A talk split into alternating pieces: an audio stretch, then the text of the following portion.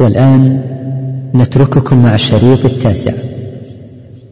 الحمد لله رب العالمين والصلاة والسلام على نبينا محمد وعلى آله وصحبه أجمعين. الحمد لله الذي هدانا للإيمان وما كنا لنهتدي لولا أن هدانا الله. الحمد لله الذي جعلنا مسلمين ومن أهل لا إله إلا الله. والحمد لله الذي جعلنا في سبيله متجالسين نستطلع سيرة خير المرسلين محمد وعلى آله وصحبه أجمعين. أيها الإخوة والأخوات هذا باب عقده الترمذي رحمه الله تعالى بعنوان باب كيف كان رسول كلام رسول الله صلى الله عليه وسلم وذلك في كتابه الشمائل المحمدية. قال رحمه الله تعالى عن عائشة رضي الله عنها قالت ما كان رسول الله صلى الله عليه وسلم يسرد كسردكم هذا ولكنه كان يتكلم بكلام بين فصل يحفظه من جلس إليه. وهذا الحديث حديث صحيح ومعنى قوله لم يكن يسرد الحديث السرد هو الإتيان بالحديث على الولاء يعني متواليا متواليا. وهذا التوالي نتيجة السرعة. قالت ما كان رسول الله صلى الله عليه وسلم يسرد كسردكم هذا ولكنه كان يتكلم بكلام بين فصل يحفظه من جلس إليه. ولم يكن عليه الصلاة والسلام يتابع الحديث استعجالا بعضه في إثر بعض ولكنه كان يتأنى فيه ليفهم المستمع. وقوله كسردكم يعني المتعارف عليه الذي تسردون فيه الحديث الحروف في إثر بعضها البعض ومعناه يكثره ويتابعه لم يكن يكثره ويتابعه. وجاء في رواية إنما كان حديث رسول الله صلى الله عليه وسلم فصلا فهما تفهمه القلوب وكان يتكلم بكلام بين يعني ظاهر. ومعنى فصل أي مفصول يتميز بعضه عن بعض بحيث يتبينه من يسمعه ويمكنه عده وهذا أدعى لحفظه ورسوخه في ذهن السامع مع كونه يوضح مراده ويبينه بيانا تاما بحيث لا يبقى مع ذلك شبهة. يحفظه من جلس إليه لظهوره وتفصيله والجلوس ليس يحفظه من جلس إليه لظهوره وتفصيله. وليس الجلوس هنا بقيد بمعنى أنه لو كان الشخص واقفا لفهم أيضا. والمراد أنه أصغى إليه وإن لم يجلس ولو كان من الكفار ولا يشترط حتى أن يكون مسلما. كان كلامه فصلا يفهمه كل من سمعه. وكما رواه أبو داود بإسناد حسن.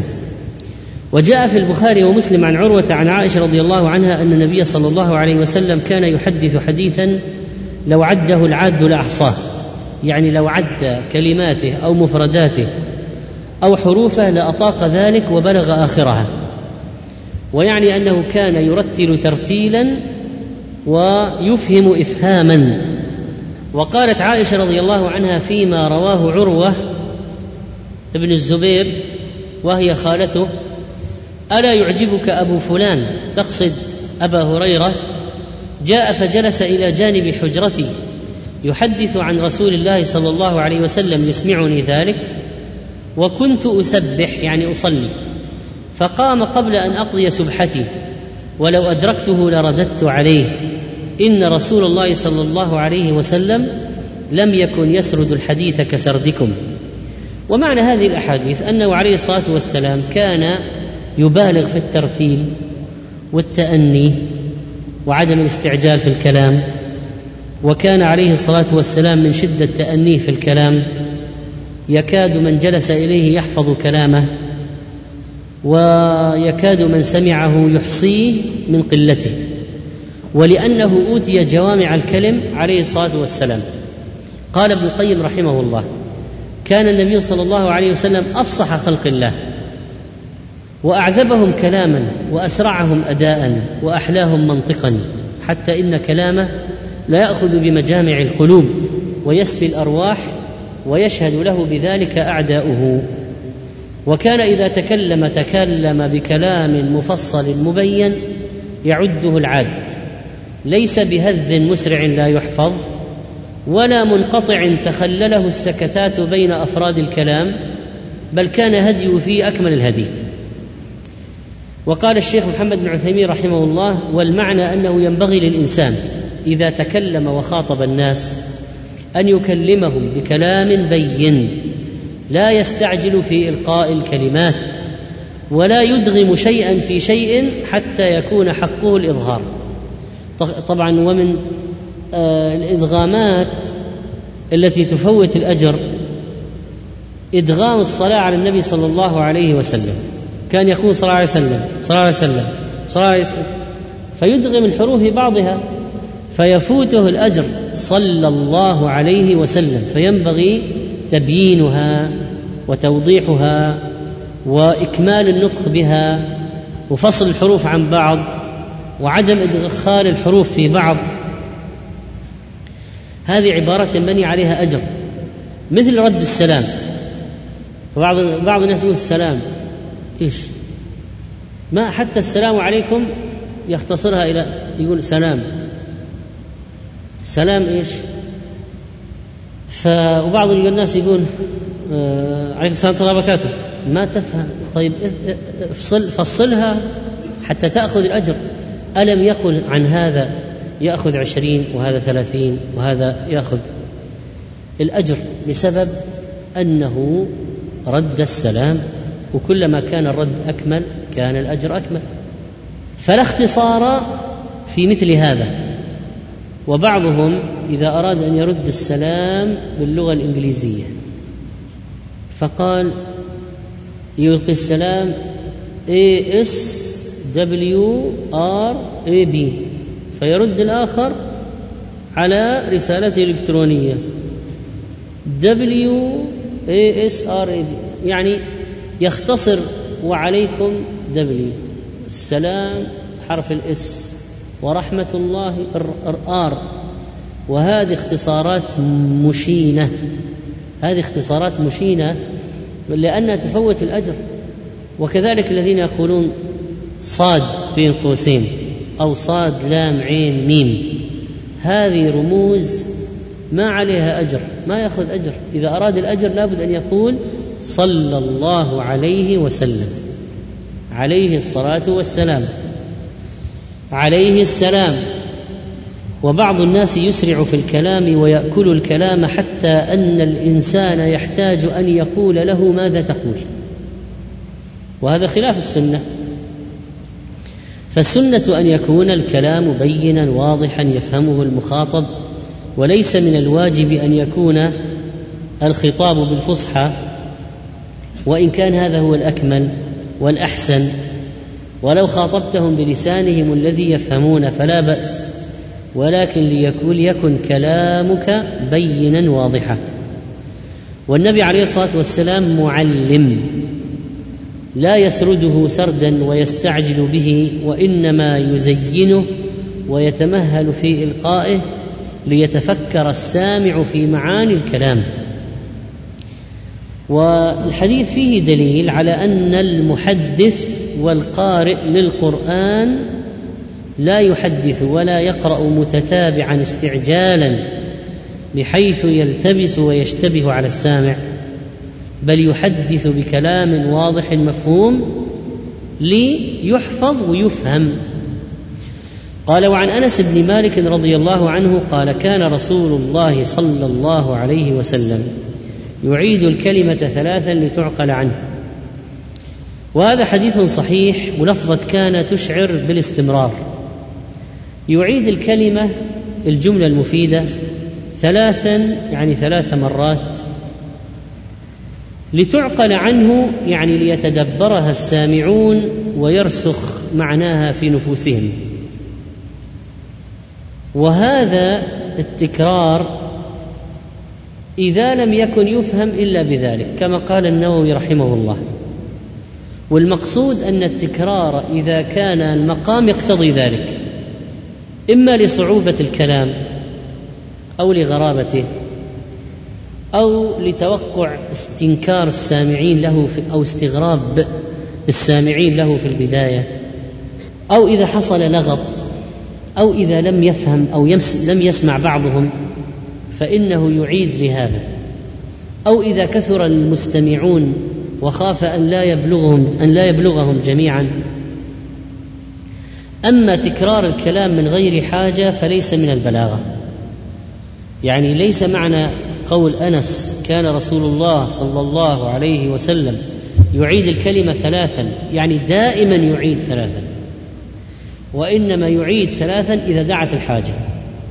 مثل كثرة عدد الناس توقع استغراب الكلام أن تظهر علامات الدهشة أو استغ... أو عدم الفهم على بعض السامعين فالإعادة لسبب وليس أنه يعيد الكلام السهل المفهوم يعيده وقوله حتى تفهم عنه يدل أن على أنها إذا فهمت من غير تكرار لا يكررها. وكذلك لو أن السامع كان ثقيل السمع هب أن إنسانا جاء إليك وسمعه ثقيل فإن التكرار محمود وتسمع الأصم حتى يفقه. هذه من أبواب الصدقة. أن تعيد الكلام عليه. مثلا كبار السن ما يضعف سمعه ما يسمع من أول مرة ما يفهم الكلام من أول مرة تحتاج أن تعيد عليه. واحتساب الأجر في اعاده الكلام لإسماع الكبير في السن من الصدقات. وجاء عند البخاري من حديث أنس عن النبي صلى الله عليه وسلم أنه كان إذا تكلم بكلمة أعادها ثلاثا حتى تفهم عنه وإذا أتى على قوم فسلم عليهم سلم عليهم ثلاثا. ومعنى تكرار السلام أنه كان يسلم فإذا لم يجب سلم ثانية. فإذا لم يجب سلم ثالثة فإن لم يجب ترك ذلك. وقيل المراد سلام الاستئذان. وأما المار فالمعروف عدم التكرار وإنما يلقي السلام مرة واحدة. لكن إذا جاء إلى باب قوم سلم ثلاثا واستأذن أو أن يكون المجلس كبيرا فيسلم على الناحية ثم على وسطه ثم على آخره. مثلا ليشمل الجميع بالسلام. قال ابن القيم رحمه الله ولعل هذا كان هديه في السلام على الجمع الكثير الذين لا يبلغهم سلام واحد.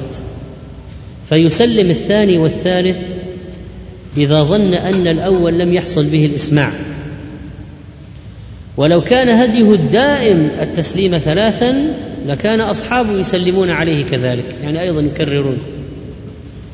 ومن تأمل هديه علم أن الأمر ليس كذلك وإن تكرار السلام كان منه امرا عارضا في بعض الأحيان. وكذلك كانت سنته في الاستئذان أن يستأذن ثلاثا. فإن لم يجب انصرف. وأيضا فقد أخرج الترمذي حديثا ضعيفا في هذا الباب. ولكن بعض فقرات هذا الحديث الضعيف لها شواهد صحيحة. فيمكن أن نسرده ونعرف مسبقا أن سنده ضعيف جدا. عن الحسن بن علي رضي الله عنهما قال سألت خالي هند بن أبي هالة وكان وصافا. فقلت صف لي منطق رسول الله صلى الله عليه وسلم. قال كان رسول الله صلى الله عليه وسلم متواصل الأحزان دائم الفكرة ليست له راحة طويل السكت لا يتكلم في غير حاجة يفتتح الكلام ويختمه بسم الله تعالى ويتكلم بجوامع الكلم. كلامه فصل لا فضول ولا تقصير ليس بالجافي ولا المهين يعظم النعمة وإن دقت ولا يذم منها شيئا غير أنه لم يكن يذم ذواقا ولا يمدحه ولا تغضبه الدنيا ولا ما كان لها فإذا تعدي الحق لم يقم لغضبه شيء حتى ينتصر له ولا يغضب لنفسه ولا ينتصر لها إذا أشار أشار بكفه كلها وإذا تعجب قلبها وإذا تحدث اتصل بها وضرب براحته اليمنى بطن إبهامه اليسرى وإذا غضب أعرض وأشاح وإذا فرح غض طرفه جل ضحكه التبسم يفتر عن مثل حب الغمام. الحديث هذا أخرجه الطبراني والبيهقي في شعب الإيمان وفيه قول متواصل الأحزان يعني في حمل هم الأمة والإشفاق عليهم. دائم الفكرة يعني أن فكره دائما يشتغل بالتفكر والاستغراق في جلال الله وكبريائه وعظمته. ليست له راحة يعني متواصل العبادة وتبليغ الرسالة. وقد جاء عند أحمد في بإسناد صحيح عن جابر قال سماك؟ قلت لجابر أكنت تجالس النبي صلى الله عليه وسلم؟ قال نعم. وكان طويل الصمت. فهو يصفه بأنه يكثر الصمت. والمراد الصمت عما لا ثواب فيه أما التعليم والأمر بالمعروف والنهي عن المنكر والتفهيم والدلالة والإرشاد فهذا آه، يبينه ويقوله ويذكره عليه الصلاة والسلام. لا يتكلم في غير حاجة يعني في الدين أو في الدنيا لأن الكلام بغير حاجة لغو. وقد قال تعالى والذين هم عن اللغو معرضون. يفتتح كلامه بسم الله والثناء على الله والحمد كما ورد. ويتكلم بجوامع الكلم وهذه خاصية للنبي عليه الصلاة والسلام دون غيره. يعني ما في نبي أعطي جوامع الكلم مثل النبي صلى الله عليه وسلم. ولذلك قال أعطيت جوامع الكلم ونصرت بالرعب وأحلت لي الغنائم وجعلت لي الأرض مسجدا وطهورا أو طهورا ومسجدا وأرسلت إلى الخلق كافة وختم بي النبيون. رواه البخاري ومسلم. جوامع الكلم الكلم جمع كلمة والجوامع جمع جامعة فالكلمة الجامعة التي تجمع معاني كثيرة. وقد خص عليه الصلاة والسلام بجوامع الكلم على نوعين ما هو في القرآن مثل قول الله تعالى إن الله يأمر بالعدل والإحسان وإيتاء ذي القربى وينهى عن الفحشاء والمنكر والبغي. هذه آية من جوامع الآيات. يعني فيها معاني كثيرة. يدخل في يكاد يدخل في الآية هذه كل شيء. لم تترك خيرا إلا شملته ولا شرا إلا بينته أو شملته. الثاني ما هو موجود في كلامه. مثلا إنما الأعمال بالنيات من جوامع الكلم. من حسن إسلام المرء تركه لا يعني ما لا يعنيه لا ضرر ولا ضرار وكثير من جوامع الكلم. حتى ألف الحافظ أبو بكر بن السني كتابا سماه الإيجاز وجوامع الكلم من السنن المأثورة. وجمع القاضي أبو عبد الله القضاعي من جوامع الكلم كتابا سماه الشهاب في الحكم والآداب. وصنف آخرون على هذا المنوال. وأشار الخطابي في أول كتابه غريب الحديث إلى يسير من الأحاديث الجامعة. وأملى الإمام الحافظ أبو عمر بن الصلاح مجلسا سماه الأحاديث الكلية مقصود بالكلية يعني الجامعة التي عليها مدار الدين. وجمع فيه الأحاديث ذات الكلمات الوجيزة والمعاني الكبيرة فبلغت ستا وعشرين حديثا. ثم قام الفقيه الإمام الزاهد النابغه محي الدين النووي رحمه الله أبو زكريا يحيى النووي رحمه الله بإملاء 42 حديثا سميت بالأربعين النووية. وقد كثر حفظها وعم نفعها ولعل ذلك ببركة إخلاص صاحبها وجامعها. ومن أمثلة جوامع الكلم مثلا وإذا أمرتكم بأمر فأتوا منه ما استطعتم. هذا من جوامع الكلم وقواعد الإسلام. ويدخل فيه كثير من الأحكام. هذه الكلمة وإذا أمرتكم بأمر فأتوا منه ما استطعتم يدخل فيه كثير من الأشياء في احكام في الصلاة في شروطها وأركانها لمن عجز عنها. يأتي بالمقدور مثلا الوضوء ستر العورة. واحد عنده ماء يكفي بعض أعضاء الوضوء. واحد عنده شيء من ثوب يكفي ستر جزء من العورة. واحد يحفظ بعض الفاتحة لأنه حديث عهد بالإسلام ولا يحفظ الباقي. واحد عنده نصف صاع من لزكاة الفطر ما عنده صاع كامل. واحد عنده غسيل كلى فيستطيع أن يصوم بعض رمضان ولا يستطيع أن يصومه كله. اذا كلهم يدخلون في الحديث وإذا أمرتكم بأمر فأتوا منه ما استطعتم. حديث من عمل عملا ليس عليه أمرنا فهو رد من جوامع الكلم. ما كان من شرط ليس في كتاب الله فهو باطل يعني إذا كان يخالف كتاب الله. ما ملأ ابن آدم أو ما ملأ آدمي وعاء شرا من بطنه؟ وهكذا. وقوله في الحديث ليس بالجافي يعني ليس غليظ الخلقة والطبع ولا المهين أو المهين. من الحقارة ليس حقيرا ولا يحتقر غيره. وقيل يعني ليس بدميم بل كان كبيرا عظيما يغشاه من المهابة والجلالة ما ترتعد منه فرائص الكفار والفجار وتخضع عنده جفاة الأعراب ويذل له عظماء الملوك على كراسيهم.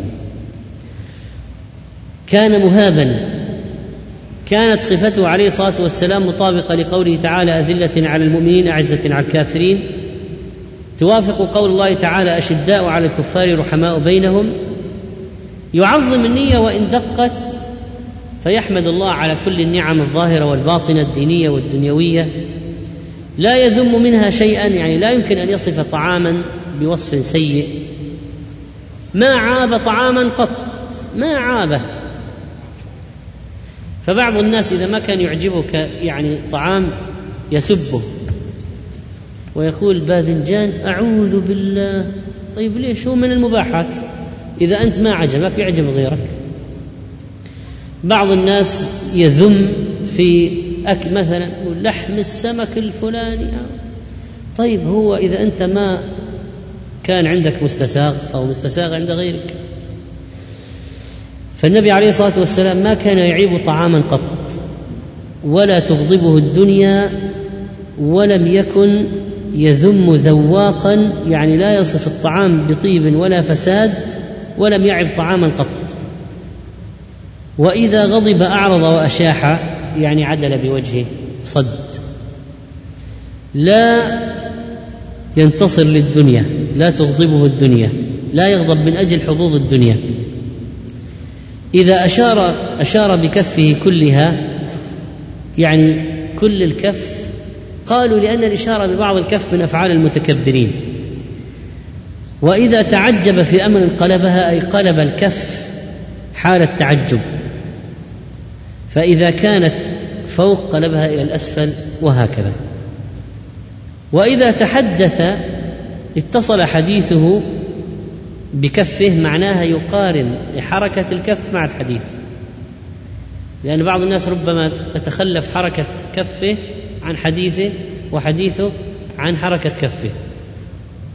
وهذا أحيانا يكون من الخلل في مونتاج البرامج.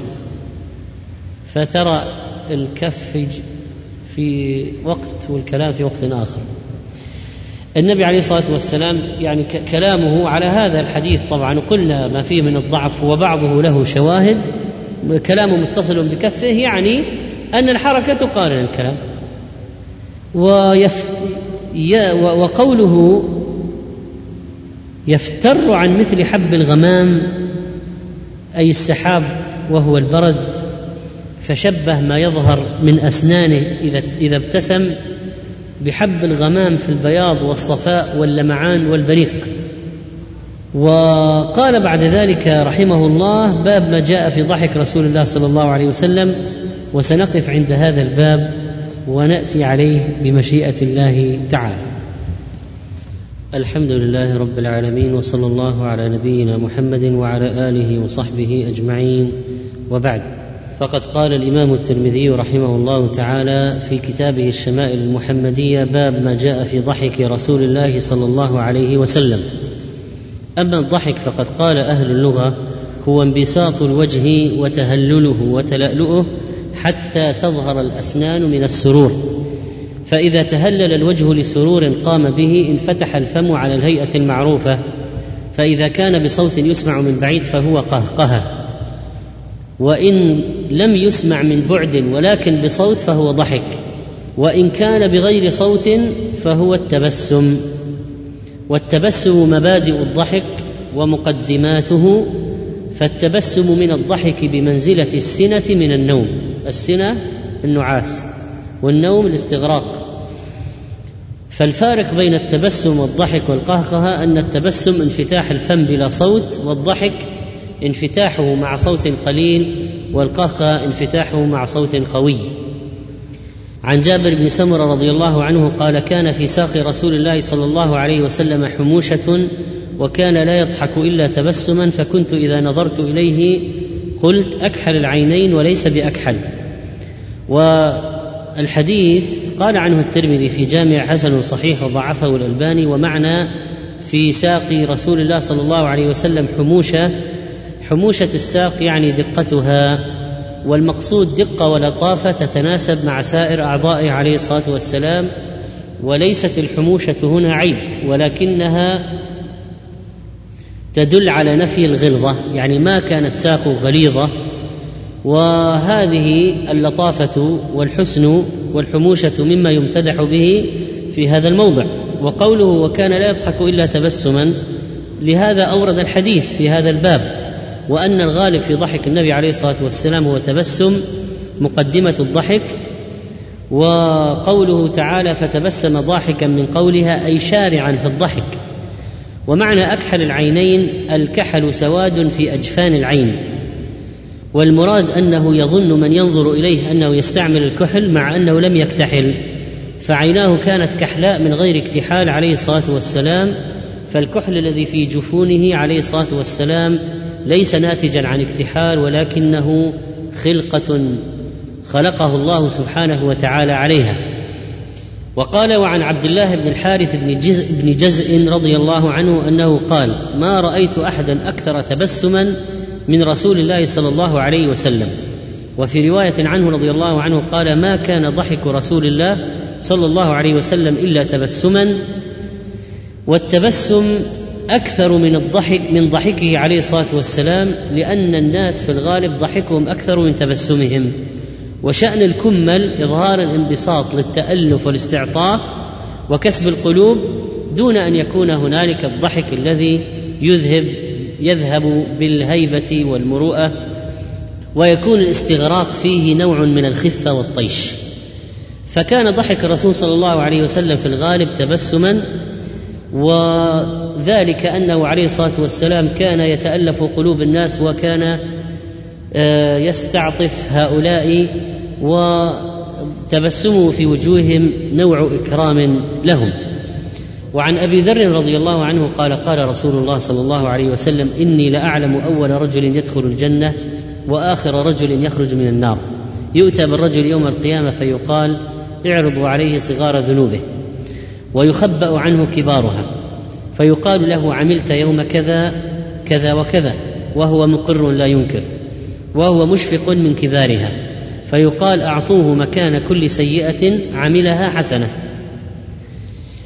اذا الرجل هذا يؤتى به وتعرض عليه صحيفته ويرى ذنوبا كثيرة لكنها من الصغائر والكبائر مخفية.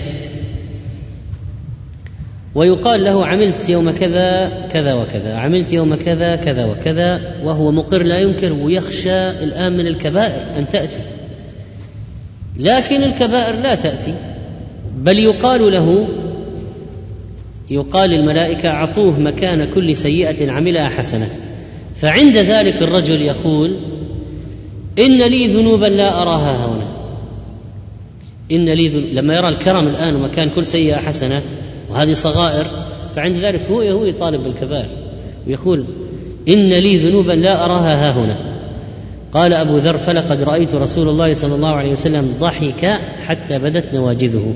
يعني في هذا الموضع لما حدثهم بالحديث في هذا الموضع ضحك عليه الصلاة والسلام.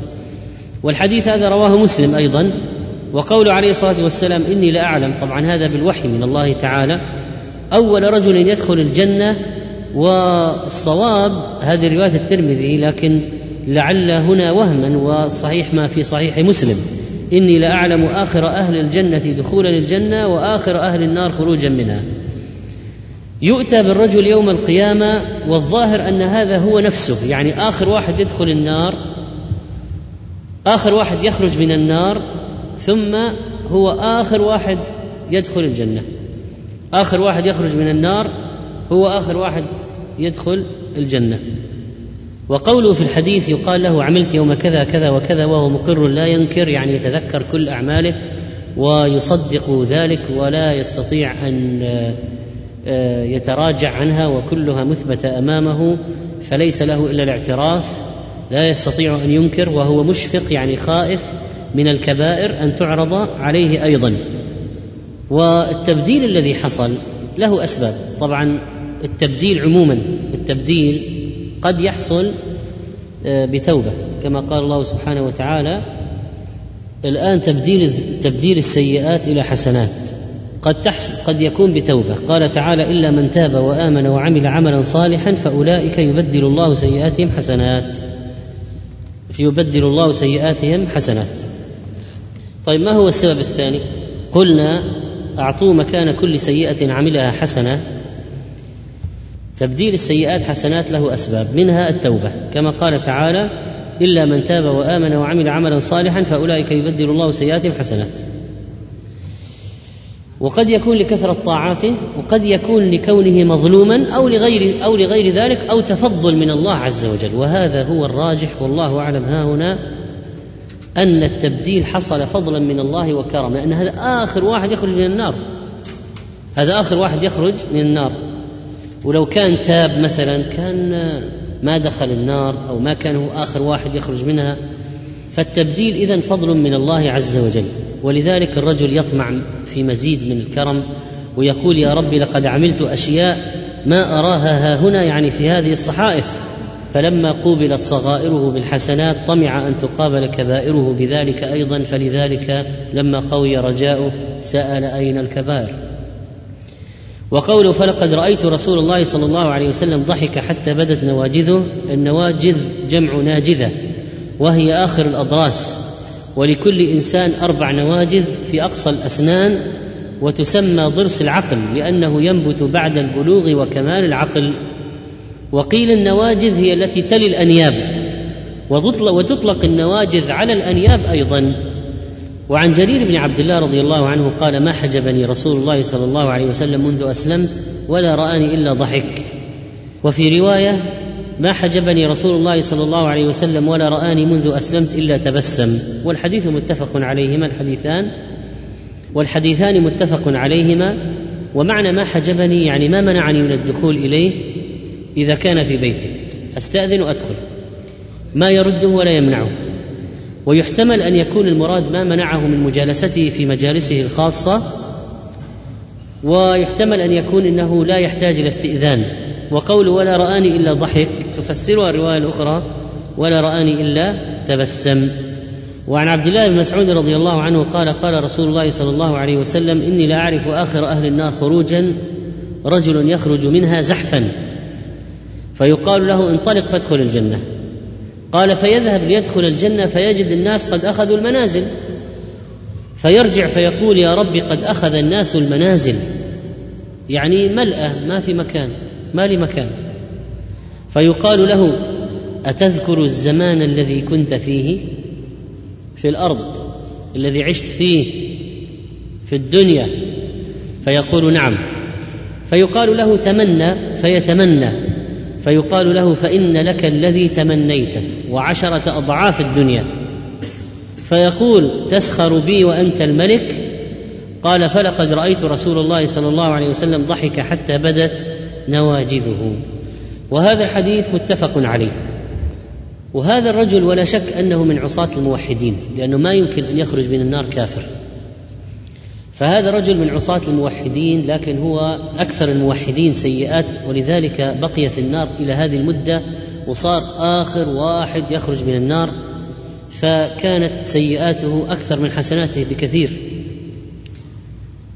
فيقول يخرج منها زحفا والزحف المشي على الإست مع إشراف الصدر فالصدر إلى الأمام ويزحف على دبره.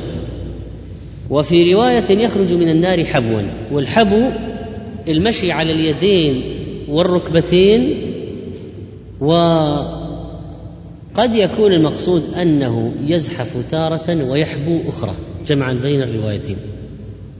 ففي فرق بين الزحف والحبو الزحف على الإست والحبو على اليدين والرجلين أو الركبتين. فيقال له انطلق فادخل الجنة فيذهب ليدخل فيجد الناس قد أخذوا المنازل فيخيل إليه إنه لا يوجد له مكان. فيرجع فيقول يا رب قد أخذ الناس المنازل. فيقال له أتذكر الزمان الذي كنت فيه؟ يعني في الدنيا؟ فيقول نعم. فيقال له تمنى من التمني. في فإن لك الذي تمنيت طبعا هو يتمنى. أن يكون له من القصور كذا ومن النساء كذا ومن الأشجار كذا ومن اللباس كذا من الذهب كذا. يتمنى. فيقال له فإن لك الذي تمنيت وعشرة أضعاف الدنيا وفي رواية عشرة أمثال الدنيا. والأضعاف هي الأمثال. جاء في رواية مسلم فيقول الله تعالى أيرضيك أن أعطيك الدنيا ومثلها معها؟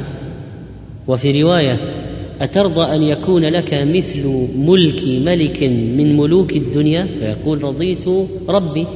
فيقول لك ذلك ومثله ومثله ومثله ومثله. فقال في الخامسة رضيت ربي. فيقول هذا لك وعشرة أمثاله.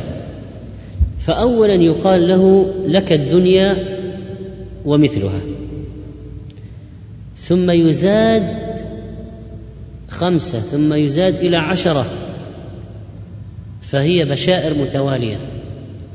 ومعلوم أن ملوك الدنيا الواحد فيهم ما يملك الأرض كلها. يملك جزء يملك جزءا. فيعطى هذا الرجل مثل أحد ملوك الدنيا خمس مرات وذلك كله قدر الدنيا كلها. ثم يقال له لك عشرة أمثال هذا فمعناها عشر أمثال الدنيا كلها. فالآن هو لما ذهب إلى إلى الجنة ما رأى مكان ما رأى مكانا. ثم يقال له لك عشرة أمثال الدنيا ولذلك يقول تسخر بي وأنت الملك. يعني يخاطب ربه فيقول أتستهزئ مني أو أتهزأ بي وأنت الملك العظيم الشأن وأنا العبد الذليل. فصدر منه هذا الكلام في حال الدهشة والتحير وانه فوجئ بما لم يكن يخطر له ببال. وحينئذ لا تنضبط الأقوال. مثل لما قال أنت ربي وأنا عبدك من شدة الفرح. يعني إذا هجم الفرح على الواحد لا تنضبط الأقوال. إذا هجم السرور على واحد ممكن ما تنضبط الأقوال. فإن قيل يعني إيش مناسبة هذه اللفظة؟ تسخر مني وأنت الملك؟ فيقال عند السرور لا تنضبط الأقوال. هذا عند البشر يعني. لأن العقل يتحير ويدهش فيخرج من اللسان أشياء غير طبيعية. فلقد رأيت رسول الله صلى الله عليه وسلم ضحك حتى بدت نواجذه. وإذا كان هذا ثواب آخر واحد يخرج من النار وآخر واحد يدخل الجنة فكيف بالذين دخلوا قبله؟ نسأل الله أن يدخلنا الجنة بلا حساب ولا عذاب. وعن علي بن ربيعة قال شهدت عليا رضي الله عنه أتي بدابة ليركبها. فلما وضع رجله في الركاب قال بسم الله. فلما استوى على ظهرها قال الحمد لله. ثم قال سبحان الذي سخر لنا هذا وما كنا له مقرنين وإنا إلى ربنا لمنقلبون. ثم قال الحمد لله ثلاثا. ثم قال الحمد لله ثلاثا. والله أكبر ثلاثا. سبحانك إني ظلمت نفسي فاغفر لي فإنه لا يغفر الذنوب إلا أنت. ثم ضحك. فقلت له من أي شيء ضحكت ضحكت يا أمير المؤمنين؟ هذا علي بن ربيعة يقول لعلي بن أبي طالب رضي الله عنه. قال رأيت رسول الله صلى الله عليه وسلم صنع كما صنعت ثم ضحك. شوف الدقة في نقل الرواية حتى أن الراوي يضحك في الموضع الذي رأى فيه النبي عليه الصلاة والسلام ضحك. فقلت من أي شيء ضحكت يا رسول الله؟ قال إن ربك ليعجب من عبده إذا قال رب اغفر لي ذنوبي يعلم أنه لا يغفر الذنوب أحد غيره. رواه الترمذي وهو حديث صحيح. لما أتي النبي عليه الصلاة والسلام بدابته ليركبها وضع رجله في الركاب وقال بسم الله يعني إذا أراد أن يضعها. فإذا صعد على ظهرها واستوى قال الحمد لله اذا هذه على نعمة الركوب. أول ما يبدأ الفعل يقول بسم الله مستعينا بالله على الفعل. فإذا استوى على ظهره حمد الله على النعمة. ثم يقرأ الآية سبحان الذي سخر لنا هذا وما كنا له مقرنين. يعني مطيقين. ولا نقوى عليه سبحانه. ما كنا له مقرنين؟ يعني لا نقوى عليه سبحانه. لا نطيق آه، قهره ولا يمكن أن نتغلب عليه. وما كنا له إلهاء ممكن تعود على الدابة. يعني نحن ما نستطيع أن نقوى على الدابة وما يمكن نتمكن من ظهر الدابة. ممكن الدابة آه، ترمح بنا أو ترجف بنا أو تضطرب وتلقينا من على من ظهرها. ولا تمكننا من ركوبها. ولذلك وما كنا له مقرنين. يعني ما كنا لركوب الدواب من المطيقين المتمكنين القادرين لولا أن الله أمكننا منها وجعلنا نستوي على ظهورها. ولذلك يوجد من الدواب جموح. يعني ما يمكن تستسلم للذي يركب عليها. وتظل تضطرب تضطرب وتل حتى تلقي من على ظهرها. لأنها وحشية. لا يمكن أن أن آه، ترخي قيادها لإنسان. ولا يمكن أن يستوي عليها إنسان. ولذلك وجود دواب ترخي عنانها للإنسان وتطمئن ليركب عليها هذه نعمة. هذه نعمة. ولا كان الإبل والخيل والبغال والحمير كلها تلقي من يمتطيها ويركبها تلقيه من فوقها. فإذا وما كنا له قيل أيضا وما كنا له يعني للركوب هذا على ظهر الدواب مطيقين لولا أن الله أمكننا من ذلك. وإنا إلى ربنا لمنقلبون أي صائرون إليه بعد مماتنا وإليه سيرنا الأكبر. ولذلك في تنبيه في هذا الذكر بالحال على المآل. في الذكر هذا في تنبيه بالحال على المآل. أين هو الحال؟ الركوب الآن الذي فيه مسير. فينبه بهذا المسير على المسير إلى الدار الآخرة. ولذلك شوف المناسبة. لو قال واحد يعني الحمد لله واضحة المناسبة. طيب سبحان الذي سخر لنا هذا ماشي. وما كنا له مقرنين واضح يعني. طيب وإنا إلى ربنا لمنقلبون. إيش المناسبة؟ أنه يذكره بسيره على هذه الدابة سيره إلى الله والدار الآخرة. وهذا من فوائد الأذكار. أنها تنبه بالحال على المآل تنبه بحاضر آه، الإنسان على مستقبله مثلا في الآخرة فيها وعظ فيها مواعظ الأذكار فيها مواعظ. ثم يقول إذا أخذنا مثالا آخر وتزودوا فإن خير الزاد التقوى. فهو أمرهم بالتزود في السفر ونبههم على الزاد الحقيقي والأكمل وهو التقوى. الحمد لله ثلاثا والله أكبر ثلاثا هذا التكرير إشعار بتعظيم النعمة.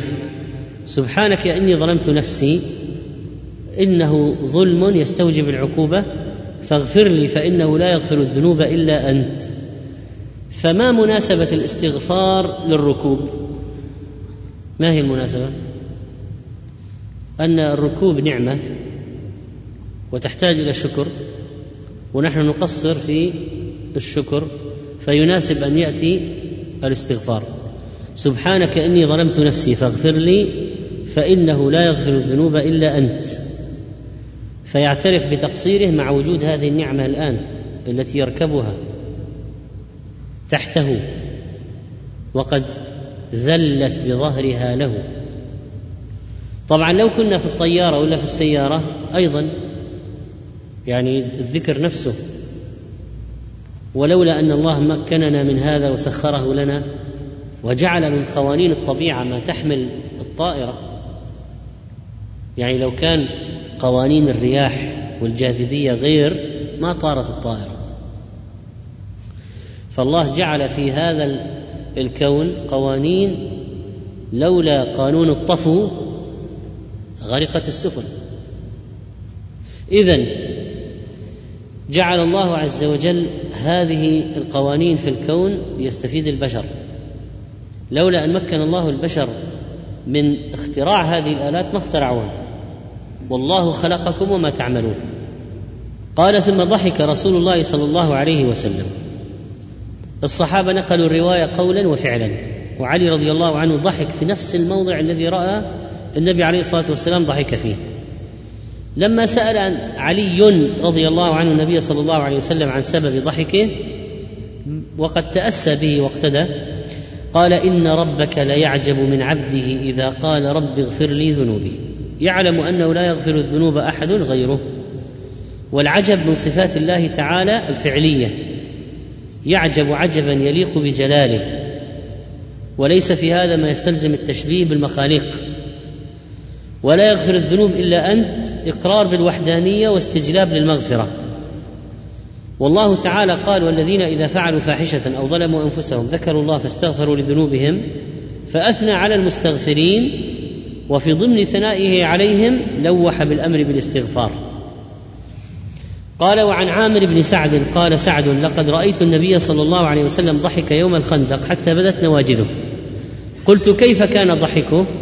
قال كان رجل معه ترس وكان سعد راميا وكان الرجل يقول كذا وكذا بالترس يغطي جبهته.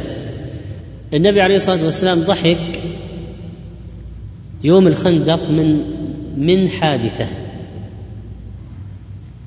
الحادثة هذه فيها انقلاب كافر كافر انقلب في المعركة. فضحك النبي عليه الصلاة والسلام من مشهد انقلاب هذا الكافر. فسعد رضي الله عنه يحدث بالحديث. كيف انقلب الكافر؟ قال كان رجل معه ترس وكان سعد راميا. وكان الرجل يقول كذا وكذا بالترس يعني يشير به يمينا وشمالا حتى لا يصيبه سهم. يغطي جبهته. يقول كذا وكذا بالترس يغطي جبهته. فنزع له سعد بسهم. فلما رفع رأسه الرجل رماه فلم يخطئ هذه منه. ما هي هذه؟ الجبهة. فلم يخطئ هذه منه يعني من جبهته. وانقلب الرجل وشال برجله. فضحك النبي صلى الله عليه وسلم حتى بدت نواجذه. قال قلت من أي شيء ضحك؟ قال من فعله بالرجل. وفي رواية عند مسلم لأن الحديث هذا بالرواية السابقة قد رواه أحمد والبزار والهيثمي قال رجال ورجال الصحيح غير محمد بن محمد بن أسود وهو ثقة وصححه الشيخ أحمد شاكر في تعليقه على المسند وضعفه الشيخ الألباني في مختصر الشمائل لكن الحديث له رواية في صحيح مسلم تغني عن هذه. عن سعد رضي الله عنه أن النبي صلى الله عليه وسلم جمع له أبويه يوم أحد. قال كان رجل من المشركين قد أحرق المسلمين. فقال له النبي صلى الله عليه وسلم يعني يقول لسعد ارمي فداك أبي وأمي. جمع له أبويه. النبي عليه الصلاة والسلام جمع أبويه لسعد. قال لسعد ارمي فداك أبي وأمي. قال فنزعت له بسهم ليس فيه نصل. فأصبت جنبه فسقط فانكشفت عورته. يعني الكافر فضحك رسول الله صلى الله عليه وسلم حتى نظرت إلى نواجذه. فضلا. عن سعد رضي الله عنه أن النبي صلى الله عليه وسلم جمع له أبويه يوم أحد. قال كان رجل من المشركين قد أحرق المسلمين. فقال له النبي صلى الله عليه وسلم يعني يقول لسعد ارمي فداك أبي وأمي.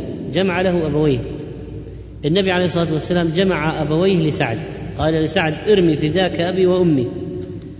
قال فنزعت له بسهم ليس فيه نصل. فأصبت جنبه فسقط فانكشفت عورته يعني الكافر فضحك رسول الله صلى الله عليه وسلم حتى نظرت إلى نواجذه.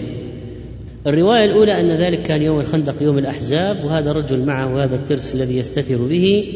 وكان سعد راميا يجيد الرمي بالنبل والرجل كان يحرك الترس يمينا وشمالا حتى لا يصيبه السهم وأن سعد استعد له بسهم وانتظر انكشاف جبهته ورماه في الوقت المناسب على المكان المناسب فلم يخطئه من دقته رضي الله عنه وانقلب الرجل وشال برجله يعني انقلب وصار أعلاه أسفله صار أعلاه أسفله وشال رجله يعني سقط على عقبه ورفع رجله هذا الرجل فوق طاحت إلى أسفل. فضحك النبي صلى الله عليه وسلم حتى بدت نواجذه. فسبب الضحك هو قتل سعد للرجل وتمكن سعد من هذا الرجل وغرابة الإصابة ودقة الإصابة والانقلاب الغريب وضحك فرحا بقتل هذا العدو. حتى بدت نواجذ النبي عليه الصلاة والسلام وقد تقدم ذكر ما هي النواجذ. قال ابن الضحاك صحت الأخبار وتظاهرت بضحك رسول الله صلى الله عليه وسلم في غير موطن حتى تبدو نواجذه وثبت عنه أنه كان لا يضحك إلا تبسما. وروى البخاري عن عائشة قالت ما رأيت رسول الله صلى الله عليه وسلم مستجمعا قط ضاحكا حتى أرى منه لهواته إنما كان يتبسم. واللهاء اللحمة التي بأعلى الحنجرة معروفة. فتقول النبي عليه الصلاة والسلام ما ضحك إلى درجة أن تظهر لهواته. كما يضحك يعني بعض الناس يفتح الفم إلى آخر شيء فتظهر اللهاء طيب اذا كيف كان النبي عليه الصلاة والسلام يفعل؟ كان أكثر احواله التبسم، كان ضحكه في الغالب تبسما، وإذا إذا ضحك أكثر من التبسم تبدو النواجذ. إذا بالغ تبدو النواجذ. فقيل النواجذ هي الأنياب وطبعا هذه سواء الانياب أو أو ما عن أو ما يجاورها لا يستلزم ظهور اللهاه ولذلك يطلق عليها ضواحك ويطلق تطلق كذلك على الأضراس. والأقرب أن المراد بالنواجذ هي الضواحك وهي الأسنان التي بين الأنياب والأضراس وهي أربع ضواحك. قال ابن اثير النواجذ من الأسنان الضواحك وهي التي تبدو عند الضحك. والأكثر الأشهر أيضا يعني انها تطلق أيضا على أقصى الأسنان. والمراد هنا الأول لأنه ما كان يبلغ به من الضحك حتى تبدو أواخر أضراسه. فإذا الراجح أنه تبدو آه، نواجذه ضواحكه الأسنان التي بين الأنياب والأضراس. اذا عندنا أنياب ضواحك أضراس. أضراس آخر الفم. والأنياب يعني في المقدمة والضواحك تليها والضروس في النهاية. في الأضراس. قال النووي رحمه الله وفي هذا جواز الضحك وأنه ليس بمكروه في بعض المواطن ولا بمسقط المروءة إذا لم يجاوز به الحد المعتاد من أمثاله في مثل تلك الحالة. وقال ابن حجر رحمه الله والذي يظهر من مجموع الأحاديث أنه صلى الله عليه وسلم كان في معظم أحواله لا يزيد على التبسم وربما زاد على ذلك فضحك والمكروه إنما هو الإكثار من الضحك والإفراط فيه لأنه يذهب الوقار. وكان المصطفى صلى الله عليه وسلم دائم التبسم من أحسن الناس ثغرا وأطيبهم نفسا وكان يبتسم للصغار والكبار. وروى أحمد في مسنده عن جابر أنه سئل أكنت تجالس رسول الله صلى الله عليه وسلم؟ قال نعم. كان طويل الصمت وكان أصحابه يتناشدون الأشعار ويذكرون أشياء من أمر الجاهلية فيضحكون ويبتسم. يبتسم رسول الله صلى الله عليه وسلم إذا ضحكوا. رواه أحمد وحسنه ابن حجر وكذلك الألباني. وروى مسلم عن جابر رضي الله عنه قال دخل أبو بكر يستأذن على رسول الله صلى الله عليه وسلم. فوجد الناس جلوسا ببابه لم يؤذن لأحد منهم. قال فأذن لأبي بكر. فدخل ثم أقبل عمر. فاستأذن فأذن له. فوجد النبي صلى الله عليه وسلم جالسا حوله نساؤه واجما ساكتا. لأنه حصل يعني في بعض الأوقات أن نساء أكثرن عليه في النفقة وحصلت مشادات بين بعضهن وقصة العسل وما حصل من يعني كنا حزبين كان يحدث بينهم يعني بعض الأشياء فتظاهرتا عليه وتآمرتا عليه. فالمهم أنه حصل يعني في تلك المناسبة أن النبي عليه الصلاة والسلام كان واجما ساكتا من شأن نسائه ونساءه حوله والآن الوضع متكهرب. فقال عمر رضي الله عنه لأقولن شيئا أضحك النبي صلى الله عليه وسلم. فقلت يا رسول الله لو رأيت بنت خارجة يعني زوجتي سألتني النفقة فقمت إليها فوجأت عنقها فضحك رسول الله صلى الله عليه وسلم وقال هن حولي كما ترى يسألنني النفقة. فكان عليه الصلاة والسلام في الأصل طلق الوجه بشوشا وكان إذا قبله واحد من أعدائه تبسم في وجهه وكان يتبسم في وجوه الأعراب الجفاة تألفا لهم. ولكن أحيانا كان يكون واجما بفعل آه، يعني أشياء.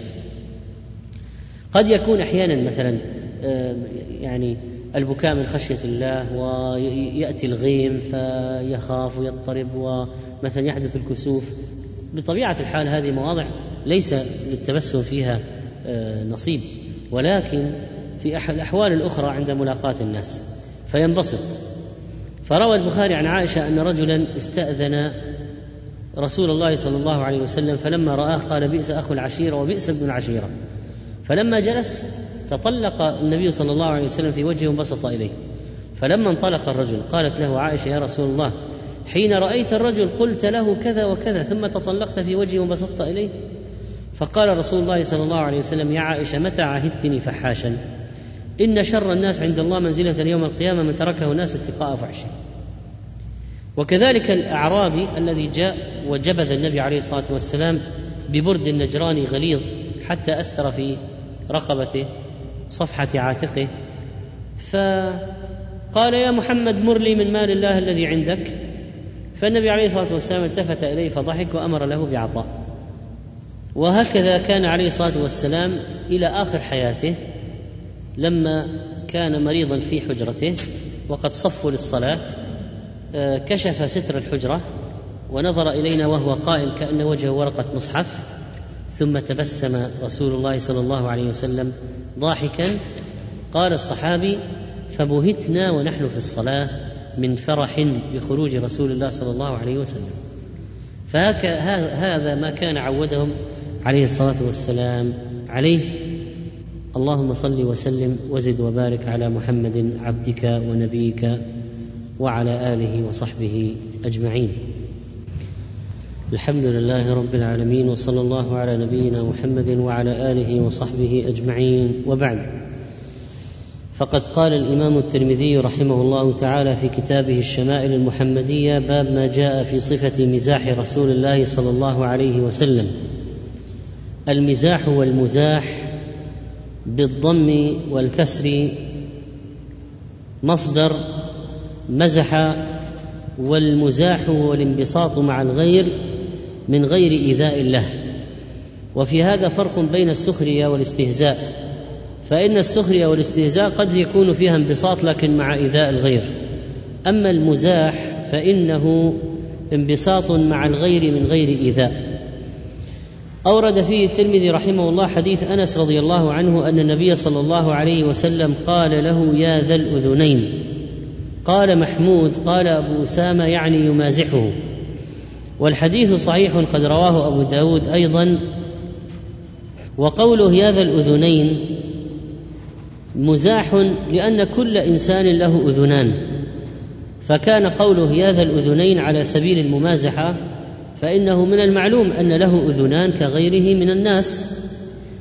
وفي هذا حسن الخلق وأن القائد العظيم إذا مازح بعض أتباعه فإن ذلك لا يقلل من هيبته ومقداره. وأن هذا المزاح إذا كان منضبطا فإنه لا يخل بالمقام ولا يضر قال وعن أنس بن مالك رضي الله عنه قال إن كان رسول الله صلى الله عليه وسلم ليخالطنا حتى يقول لأخ لي صغير يا أبا عمير ما فعل النغير؟ قال أبو عيسى وفقه هذا الحديث أن النبي صلى الله عليه وسلم كان يمازح فيقول يا أبا عمير ما فعل النغير؟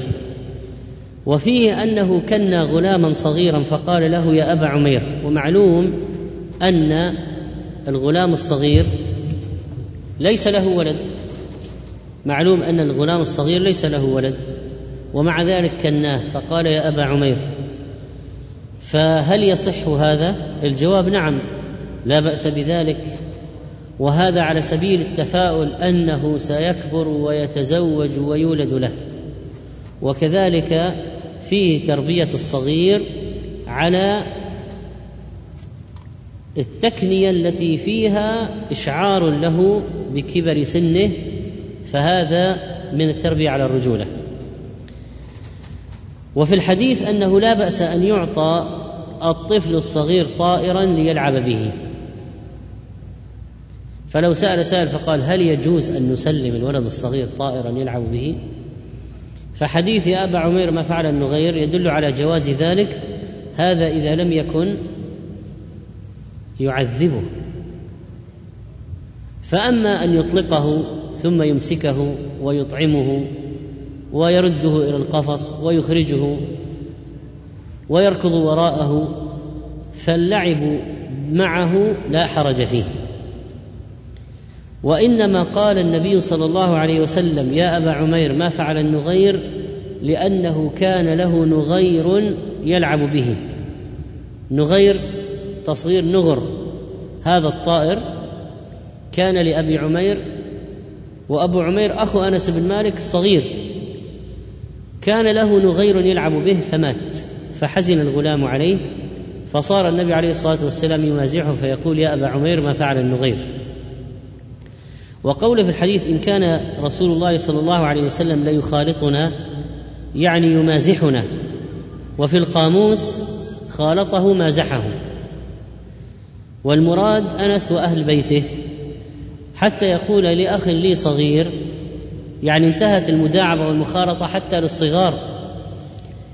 وهذا الأخ لأنس رضي الله عنه هو أخ له من أمه فهو ابن أبي طلحة لأن أم أنس بن مالك رضي الله عنها تزوجت أبا طلحة لأن أبا أنس تركهم ومشى ذهب. فبقيت أم طلحة. فتزوجها أبو طلحة وأنجب منها أولادا. منهم حفص هذا المكنى بأبي عمير. فاسم اسم أخي أنس بن مالك اسمه من أمه هو أخوه من أمه والأب مختلف. أبو أنس غير غير أبي حفص. فإن أبا حفص هو أبو طلحة.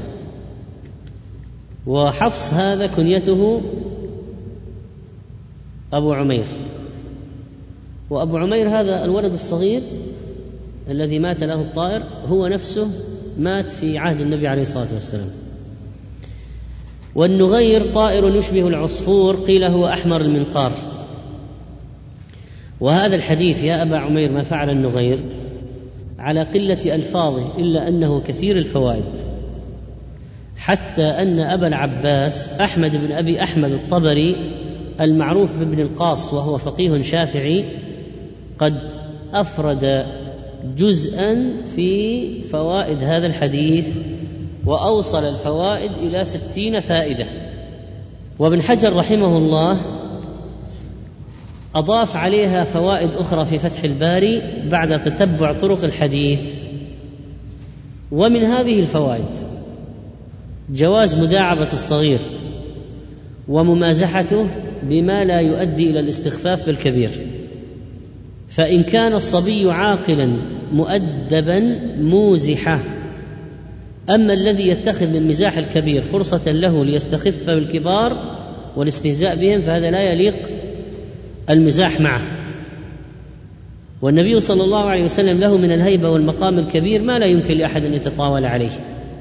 ولذلك لو مازح لا يتجرأ عليه أحد. وكذلك أن من المزاح والمداعبه تكنية الصغير وندائه بالكنية. ومنها مخارطة الصغار والتحدث إليهم وإرشادهم إلى الخير وكفهم عن الشر وأن هذا من الدعوة إلى الله ومن أفعال الإيمان. وكان النبي صلى الله عليه وسلم يحب أن يخالط الناس جميعا على مختلف مستوياتهم وأسنانهم. وفيها أيضا تنمية الرجولة في نفوس الصغار. ونداء الصغار بأسماء الكبار. وقد قال النبي صلى الله عليه وسلم يا غلام سم الله يؤدب. وقال يا غلام إني أعلمك كلمات احفظ الله يحفظك يعلم ويعظ. ويبني العقيدة وقواعد الإيمان في نفوس الغلمان. ومن ذلك أنه مر على غلمان أو على صبيان وهم يترامون بالنبل فقال ارموا وأنا مع بني فلان. ومن الفوائد تسليمه صلى الله عليه وسلم على الصغار إذا مر بهم وأن تعويد الأطفال على إلقاء السلام وسماع السلام ورد السلام وتنشئتهم على هذا الأدب يفيدهم كثيرا في مستقبل أمرهم. وأنه ينبغي على كل مسلم أن يتأسى بالنبي صلى الله عليه وسلم وأن يعتني بالغلمان والصبيان وأن يهتم بأمر الناشئة تعليما وتأديبا وموعظة.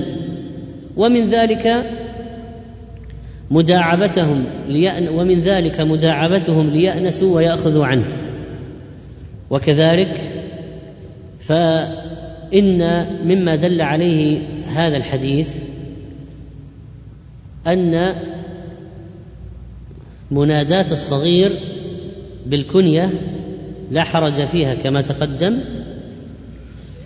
ومن النوادر التي صارت من النوادر التي حصلت في قصة أبي عمير من جهة اللحن والخطأ وكان قبل وجود النقط للكلمات والحروف النقط ما كان موجودا في الحروف فكانت القاف والفاء ليس لها نقط الباء والياء والنون والتاء والثاء ليس لها نقط لكنها تكتب يعني كل حرف يكتب بطريقة يعرف به. فمثلا هذه تكتب مثلا أولها مائل هذه مستقيمة هذه طويلة عصا هذه قصيرة في مطلعها بحيث يميز الباء عن التاء عن النون عن الياء بطريقة كتابة الزاوية هذه. رسم الحرف. ولكن بعض من كان فيه غفلة أو جهل أو آه، ربما يحصل له نوع من الذهول أو السهو ويخطئ ويقرأ الحرف حرفا آخر. فأخرج الحاكم في علوم الحديث عن أبي حاتم الرازي أنه قال حفظ الله أخانا صالح بن محمد يعني الملقب جزرة فإنه لا يزال يبسطنا غائبا وحاضرا يعني أن هذا صالح جزرة طبعا هو ما اسمه صالح جزرة هو صالح لكن هذا مرة أخطأ وهو صغير يقرأ عند الشيخ فبدل ما. كانت الكلمة خرزة خرزة فقرأها جزرة. فسموه صالح جزرة. راحت عليه صالح جزرة. الشاهد هذا صالح جزرة كبر وصار من كبار علماء الحديث والجرح والتعديل. وكان صالح جزرة رحمه الله كان آه، مداعبا لأصحابه وكان آه، ملاطفا لهم. فيقول أبو حاتم الرازي وهو من كبار علماء الحديث حفظ الله أخانا صالح بن محمد يعني صالح جزرة. فإنه لا يزال يبسطنا غائبا وحاضرا يعني سواء كان موجود كان موجودا أو غائبا لا زال تصل من تصلنا منه الممازحات واللطائف. قال كتب إلي لما مات الذهلي بنيسابور أجلسوا شيخا لهم يقال له محمش. الذهلي أيضا من كبار علماء الحديث. لكن لما مات أرادوا أن ينصبوا بدلا منه شيخا. فنصبوا شيخا لهم يقال له محمش. محمش هذا لقب لمحمد بن يزيد بن عبد الله النيسابوري السلمي. هو نفس هذا الشيخ أيضا كان فيه دعابة. فأملى عليهم حديث أنس.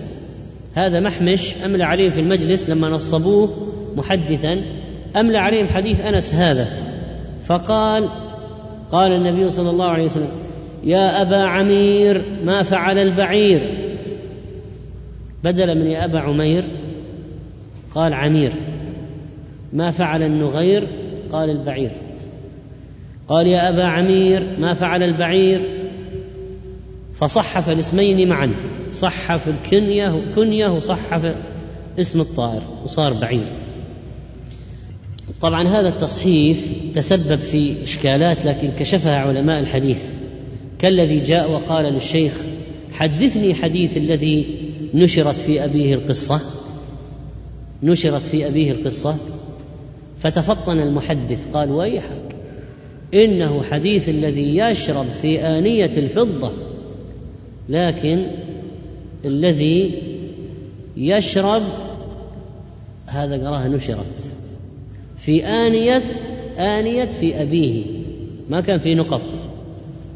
فبعضهم يقرأ بحسب ما يخطر بباله مع أن لها قواعد كما قلنا في طريقة رسم الحرف. الفضة سواها القصة. قال حدثني حديث الذي نشرت في أبيه القصة. وش مو حديث الذي نشرت في أبيه القصة. قال ويحك إنه حديث الذي يشرب في آنية الفضة. ولهذا آه، كثير حتى أن بعضهم في في قراءة القرآن ومن قديم طبعا أيضا ما كان في نقط في المصحف وأيضا شكل الكلمات فقرأ قارئ قال وأخذ برجل أخيه يجره إليه. وأخذ برجل أخيه وهي برحل أخيه في سورة يوسف. وأخذ برحل أخيه. فبعضهم يصحف يعني في القرآن يصحف في الحديث. ولذلك صار ضبط الكلمات بالشكل وضع النقاط على الحروف وضبط الكلمات. يعني حتى الفتحة والضمة والكسرة لأن بعض الناس لا يمكن أن يقرأ شيئا صحيحا. ولذلك قالوا إن اعرابيا من البادية وكان ذا فطرة سليمة يعني فهمه قريحته جيدة. فدخل مسجدا فإذا رجل يقرأ في الصلاة قال ولا تنكحوا المشركات حتى يؤمنوا ولأمة مؤمنة خير من مشركة ولو أعجبتكم. ولا تنكحوا المشركين يعني لا تزوج بنتك وأختك. المشركين حتى يؤمنوا. ولا عبد مؤمن خير من مشرك ولو أعجبكم. فهذا قرأ بالخطأ. قال ولا تنكحوا المشركين حتى يؤمنوا. فقال الأعرابي ولن ننكحهم حتى ولو آمنوا. ففرق كبير بين ولا تنكحوا وبين قوله ولا تنكحوا. لا تنكحوا يعني لا تزوجوا. أما لا تنكحوا يعني لا تتزوجوا. قال وعن أبي هريرة رضي الله عنه قالوا يا رسول الله إنك تداعبنا. قال نعم غير أني لا أقول إلا حقا. رواه الترمذي وقال حديث حسن صحيح وكذلك رواه أحمد وصححه الألباني. وقوله إنك تداعبنا قولهم تدا إنك تداعبنا يعني تمازحنا وهذا الاستغراب أو السؤال لاستبعادهم أن يكون يقع منه المزاح لأنهم ظنوا أن مقام النبوة أرفع من أن يمازح. فبين لهم صلى الله عليه وسلم أن جليل مكانته وعظيم مرتبته لا تتنافى مع هذه الممازحة وأخبرهم أنه وإن مازح فإنه لا يقول إلا حقا وصدقا وذلك لأن مقام النبوة لا يمكن معه الكذب حتى في المزاح. ولا يجوز الكذب أصلا لاي لأي من الناس حتى في المزاح. وبعض الناس يقع في مزاحه الباطل والكذب والسخرية والاستهزاء والإيذاء والضحك المفرط المؤدي لقسوة القلب. وفي هذا الحديث جواز الممازحة والمداعبة بل قد يكون سنة إذا كانت تدخل السرور على قلب المسلم خصوصا إذا كان أخوك المسلم مكفهرا آه، منزعجا مكتئبا. ضيق النفس حصل له في هذا اليوم ما جعله آه، يكتئب. فإن إدخال السرور عليه وتفريج ما به من الحسنات والطاعات. فبعضهم إذا دخل على أخيه فوجده آه، مكتئبا لا زال يمازحه حتى يسري عنه. فهذا يعتبر من الطاعات. وقد فعله عمر رضي الله عنه لما رأى النبي صلى الله عليه وسلم آه، واجما من فعل نسائه وإكثارهم عليه في طلب النفقة. وهو عليه الصلاة والسلام آه، عابسا مقطب الوجه. فلم يزل عمر به حتى أضحكه.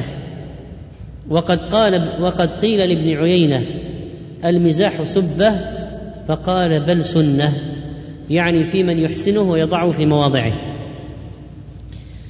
وإنما كان عليه الصلاة والسلام يمزح والناس مأمورون بالتأسي به والاقتداء لأن ترك المزاح واللطافه والبشاشة ولزوم العبوس والتقطيب يؤدي إلى تنفير الناس. فأما حديث لا تماري أخاك ولا تمازحه فإنه وإن جود إسناده بعضهم وضعفه أيضا في المقابل فإنه قد ضعفه في المقابل آخرون لكن على فرض صحته فإنه يجمع بينه وبين الأحاديث الدالة على إباحة المزاح بأن المنهي عنه لا تمازحه ما فيه إفراط أو مداومة وإشغال عن ذكر الله أو قسوة قلب بكثرة الضحك أو إيذاء وسخرية واستهزاء أو سقوط المهابة والوقار ونحو ذلك. وأما ما فيه تطييب لنفس المخاطب ومؤانسة للإخوان فإنه طيب. قال النووي رحمه الله اعلم أن المزاح المنهي عنه هو الذي فيه إفراط ويداوم عليه فإنه يورث الضحك وقسوه القلب ويشغل عن ذكر الله. ويؤول في كثير من الأوقات إلى الإيذاء ويورث الأحقاد ويسقط المهابه والوقار. فأما ما سلم من هذه الأمور فهو المباح الذي كان رسول الله صلى الله عليه وسلم يفعله على الندرة تطييبا لنفس المخاطب ومؤانسته وهي سنة مستحبة فاعلم هذا فإنه مما يعظم الاحتياج إليه. قال وعن أنس بن مالك رضي الله عنه أن رجلا استحمل رسول الله صلى الله عليه وسلم. يعني طلب منه أن يحمل على دابة. قال ما عندي دابة. احملني أعطني دابة أركب عليها. قال إنا حاملوك على ولد ناقة. قال إني حاملك على ولد ناقة. فقال يا رسول الله ما أصنع بولد الإبل؟ يعني هذا صغير ما يحملني. كيف؟ إيش الفائدة منه؟ فقال عليه الصلاة والسلام وهل تلد الناقة إلا النوق؟ يعني أكيد كل و كل يعني ولد الناقة مهما كبر فإن له أما من النوق. مهما صار كبيرا يحمل فإن له أما من النوق. مهما بلغت سنه فإن له أما. وهذا الرجل الذي جاء النبي صلى الله عليه وسلم يطلب منه مركوبا لم يفهم البداية في البداية قصد النبي عليه الصلاة والسلام إني حاملك على ولد ناقة وهذا. قاله له من باب المداعبة. فالرجل توهم أنه سيحمله على بعير صغير وأنه لن يقوم به. فقال وما أصنع بولد الناقة؟ قال وهل تلد الناقة إلا النوق؟ وعن أنس بن مالك رضي الله عنه أن رجلا من أهل البادية كان اسمه زاهرا. وكان يهدي إلى النبي صلى الله عليه وسلم هدية من البادية فيجهزه النبي صلى الله عليه وسلم إذا أراد أن يخرج. فقال النبي صلى الله عليه وسلم إن زاهرا باديتنا ونحن حاضروه. وكان صلى الله عليه وسلم يحبه وكان رجلا دميما. فأتاه النبي صلى الله عليه وسلم وهو يبيع متاعه فاحتضنه من خلفه وهو لا يبصره. فقال من هذا؟ أرسلني. فالتفت فعرف النبي صلى الله عليه وسلم فجعل لا يألو ما أرصق ظهره بصدر النبي صلى الله عليه وسلم حين عرفه. فجعل النبي صلى الله عليه وسلم يقول من يشتري هذا العبد؟ فقال يا رسول الله إذا والله تجدني كاسدا. يعني لا أحد يريدني ولا أحد يشتريني فقال النبي صلى الله عليه وسلم لكنك عند الله لست بكاسد. أو قال أنت عند الله غال. وهذا الحديث قد رواه أحمد رحمه الله وصححه الألباني. وقوله عليه الصلاة والسلام في الحديث إن زاهرا باديتنا. فهذا الشخص الذي اسمه زاهر كان من سكان البادية. لكنه كان يتردد على النبي صلى الله عليه وسلم في المدينة ويأتيه الفينة بعد الفينة. وكان يأتي له من نبات البادية وثمار البادية آه، وما في البادية من الأشياء التي يمكن أن ينتفع بها مما يصنعه أهل البادية أو ينبت فيها. والنبي عليه الصلاة والسلام يجهزه من متاع أهل البلد الحاضرة. فالنبي عليه الصلاة والسلام من المداعبة كان يقول إن زاهرا باديتنا ونحن حاضروه. يعني هو بالنسبة لنا بمثابة البادية يجلب كأننا في البادية كأننا وصلنا إلى البادية مع زاهر هذا رضي الله عنه كأننا وصلنا إلى البادية فيأتي لنا مما في البادية من الأشياء. ونحن حاضروه نجهزه بما يحتاج إليه من الحاضرة بحيث لا يحتاج إلى التردد كثيرا عليها إلا لمخالطتنا. وكان زاهر رضي الله عنه رجلا دميما وإن كان قبيح الصورة لكنه كان مليح السيرة. وهذا في تنبيه على أن المهم هو حسن الباطن. إن الله لا ينظر إلى صوركم وأموالكم ولكن ينظر إلى قلوبكم وأعمالكم. رواه مسلم. مرة من المرات أتى النبي صلى الله عليه وسلم السوق فوجد زاهرا يبيع متاعه. فالنبي عليه الصلاة والسلام فاجأه من خلفه واحتضنه وهو لا يبصره. ومعنى ذلك أنه أدخل يديه تحت إبطيه وضمه. وزاهر لا يرى من الذي فعل هذا به. لأنه لا يستطيع أن آه، يكتشف هذا من البداية. فالتفت فعرف النبي صلى الله عليه وسلم فجعل لا يألو ما أرصق ظهره بصدر النبي صلى الله عليه وسلم وذلك تبركا به. وجعل النبي عليه الصلاة والسلام يقول مكملا هذه الممازحة والملاطفة من يشتري هذا العبد؟ أنه هذا في السوق. وهو عليه الصلاة والسلام لا يكذب كما قلنا لأنه نبي وإن مازح فإن قال قائل فما وجه قوله من يشتري هذا العبد؟ فالجواب إن الناس كلهم عبيد لله فهو عبد لله وإن كان ليس مملوكا وحرا لكنه عبد لله. فقال يا رسول الله اذا والله تجدني كاسدا يعني رخيصا ما أحد يرغب في لدمامتي وقبح منظري قال لكنك عند الله لست بكاسد أو أنت عند الله غال. طبعا هذا ضربه ذكر الترمذي رحمه الله أورده في الباب مثالا على ملاطفة النبي عليه الصلاة والسلام وممازحته لأصحابه. وكان زاهرا يحب الدعابة والممازحة. ولذلك نرى أن النبي عليه الصلاة والسلام كان في الغالب يداعب من يميل إلى هذا الطبع. طبع الممازحة والمداعبة. والحديث فيه أن الله لا ينظر إلى الصور ولا يفاضل بين العباد بصورهم وأشكالهم ولكن بقلوبهم وأعمالهم. وتقييم الناس يكون بميزان الله. وإلا فلو أننا أردنا أن نقوم الناس بميزان الناس لدخل الهوى. ولذلك لما سألهم عن رجل ذو شارة حسنة ومنظر وهيئة وهيبة على فرس قالوا هذا حري إن خطب أن ينكح وإن شفع أن يشفع وإن قال أن يسمع لقوله. وجيء بأمة وجيء بأمة قد أوثقوها يضربونها يقولون زنيت سرقت في حديث الغلام. فقال الغلام وكان رضيعا اللهم لا تجعلني مثل هذا وأقبل على هذه الأمة التي يعذبونها ويتهمونها بالباطل يقول اللهم اجعلني مثل هذه. فإذا الناس الناس إذا أخذوا المظاهر ضاعوا ولذلك لا بد من الوزن بالإيمان والعمل الصالح.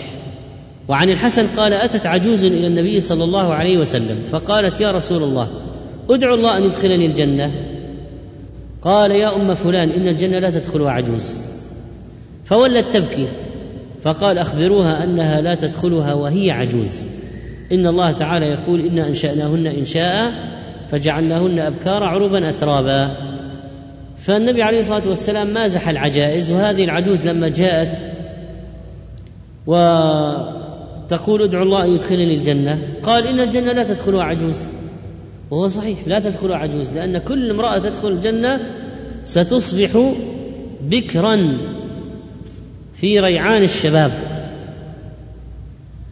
وقد جاء عن النبي عليه الصلاة والسلام أنه قال يدخل أهل الجنة الجنة جردا مردا مكحلين.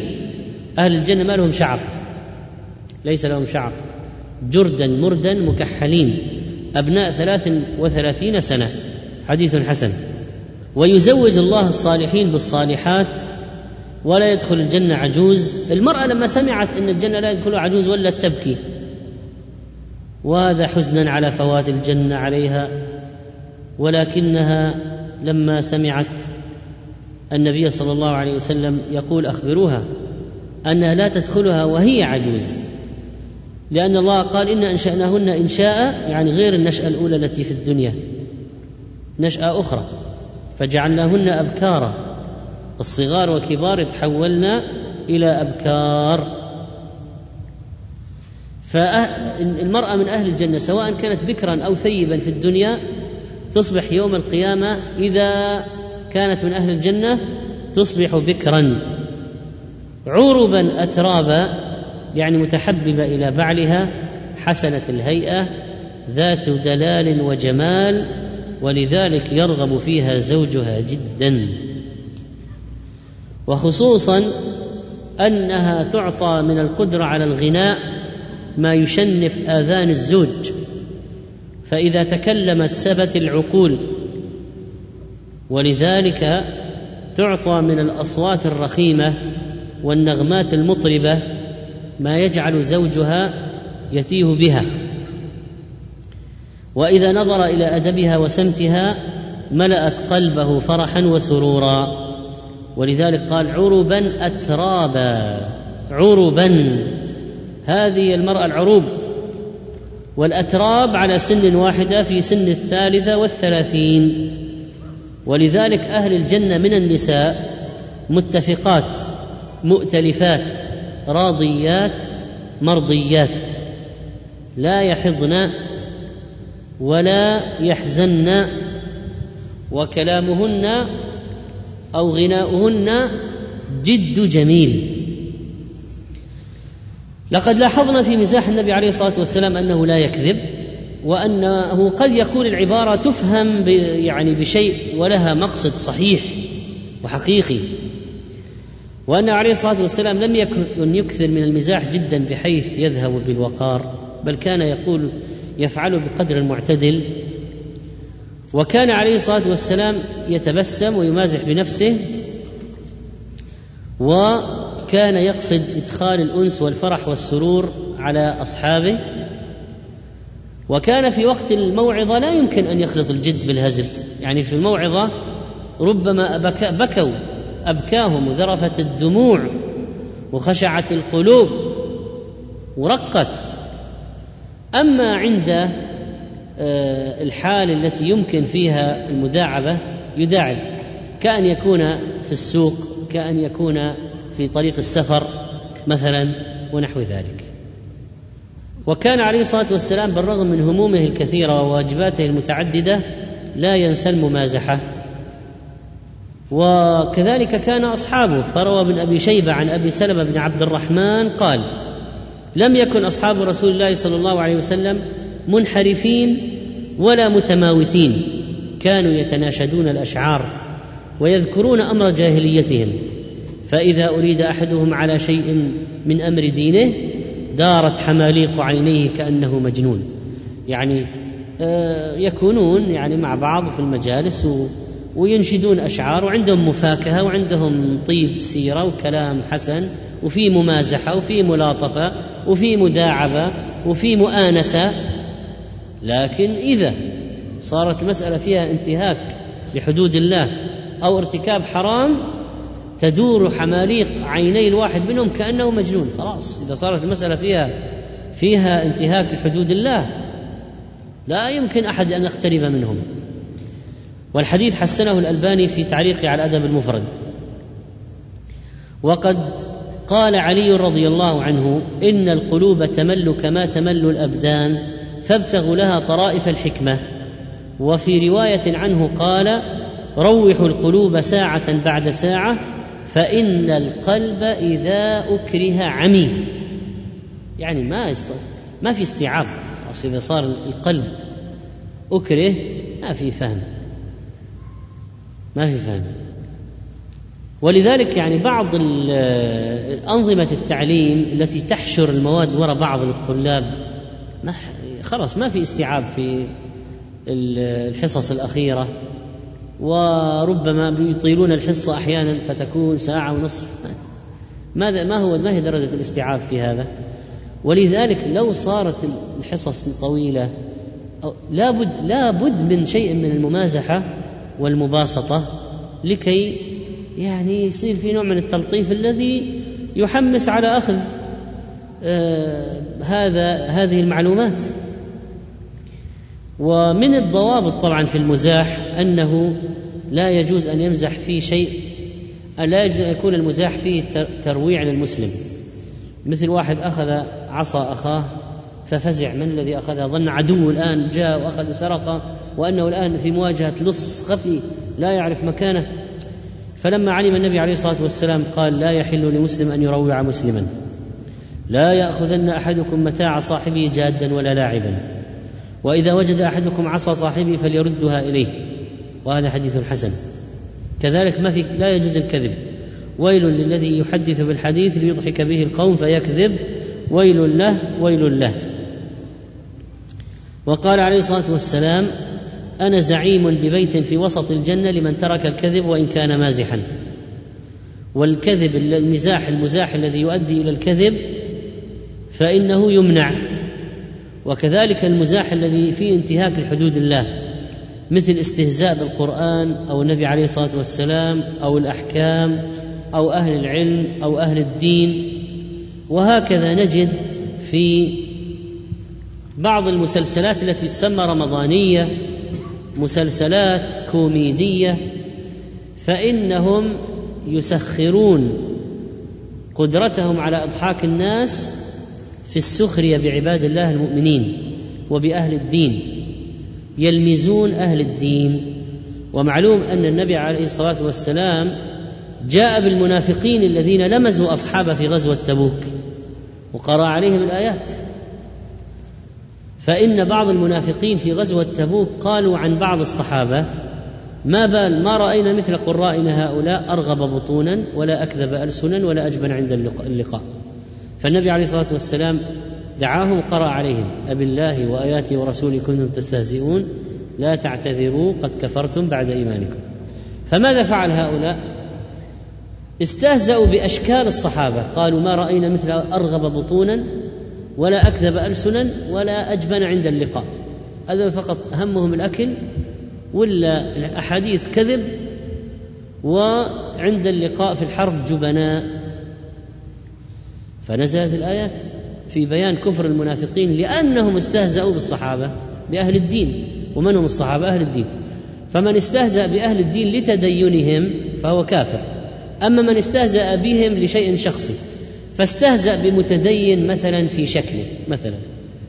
استهزأ به مثلا في آه، آه، طريقة كلامه لعداوة شخصية بينه وبينه وليس لأنه متدين. فهذا يكون عاصيا وليس كافرا يكون عاصيا فاسقا بسخريته. لأن الله قال لا يسخر قوم من قوم عسى يكونوا خيرا منهم. أما إذا استهزأ بالمتدينين لتدينهم ورأيت الأمثلة التي يأتون بها في هذه المسلسلات فيها سخرية من أهل الدين فيأتون بشخص ممثل يلصق لحية ويقصر ثوبه ويستعمل كلام المتدينين ربما حمل سواكا. يعني واضح أن تقصد الاستهزاء بالأشخاص الذين هذا سمتهم اتباع السنة والحرص عليها أو إطلاق اللحية اللحية كما كان النبي عليه الصلاة والسلام يفعل فيستهزئون بهم لأجل تدينهم فيكون هذا الاستهزاء كفرا وفي هذه الحالة لا يجوز الجلوس عند هذا المسلسل ولا سماعه ولا رؤيته لأن الله قال إذا سمعتم آيات الله يكفر بها ويستهزأ بها فلا تقعدوا معهم فإذا لا يجوز الجلوس عند مسلسل فيه استهزاء بعباد الله الصالحين أو بأهل الدين أو بالمسلمين.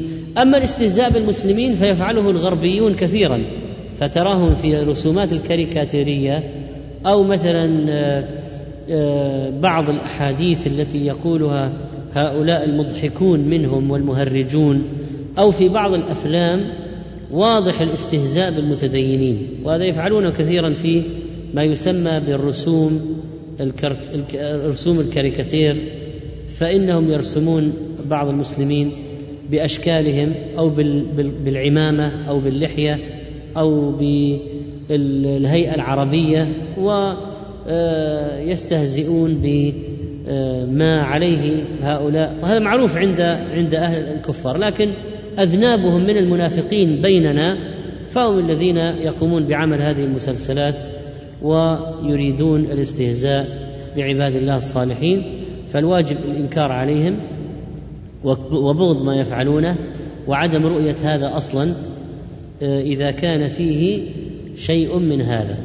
طبعا تلبس القضية أحيانا بلبوسات أخرى فمثلا قد يكون في المسلسل نقد شيء صحيح في الواقع.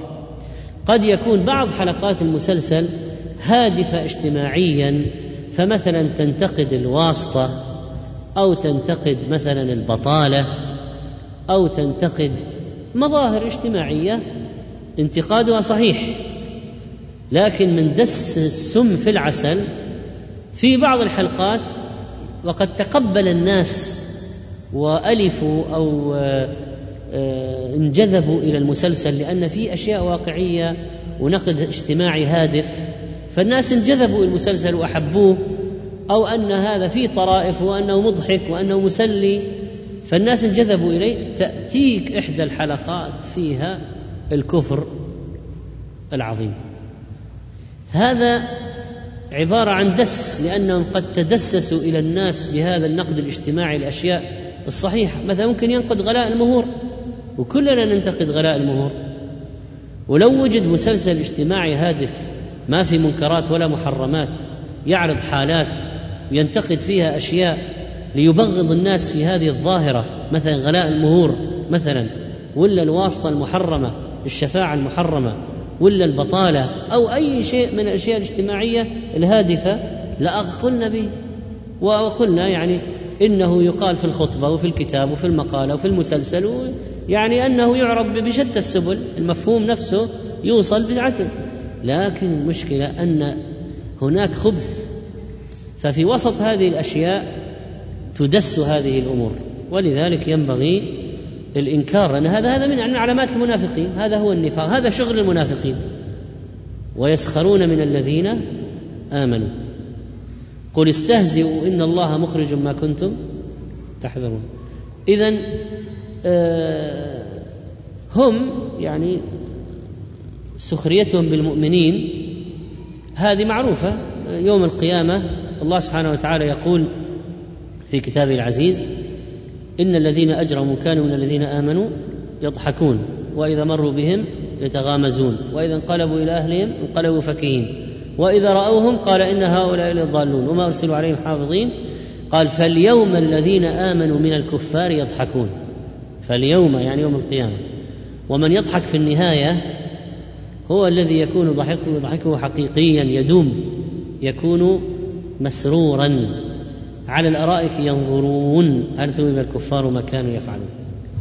والله تعالى أعلم.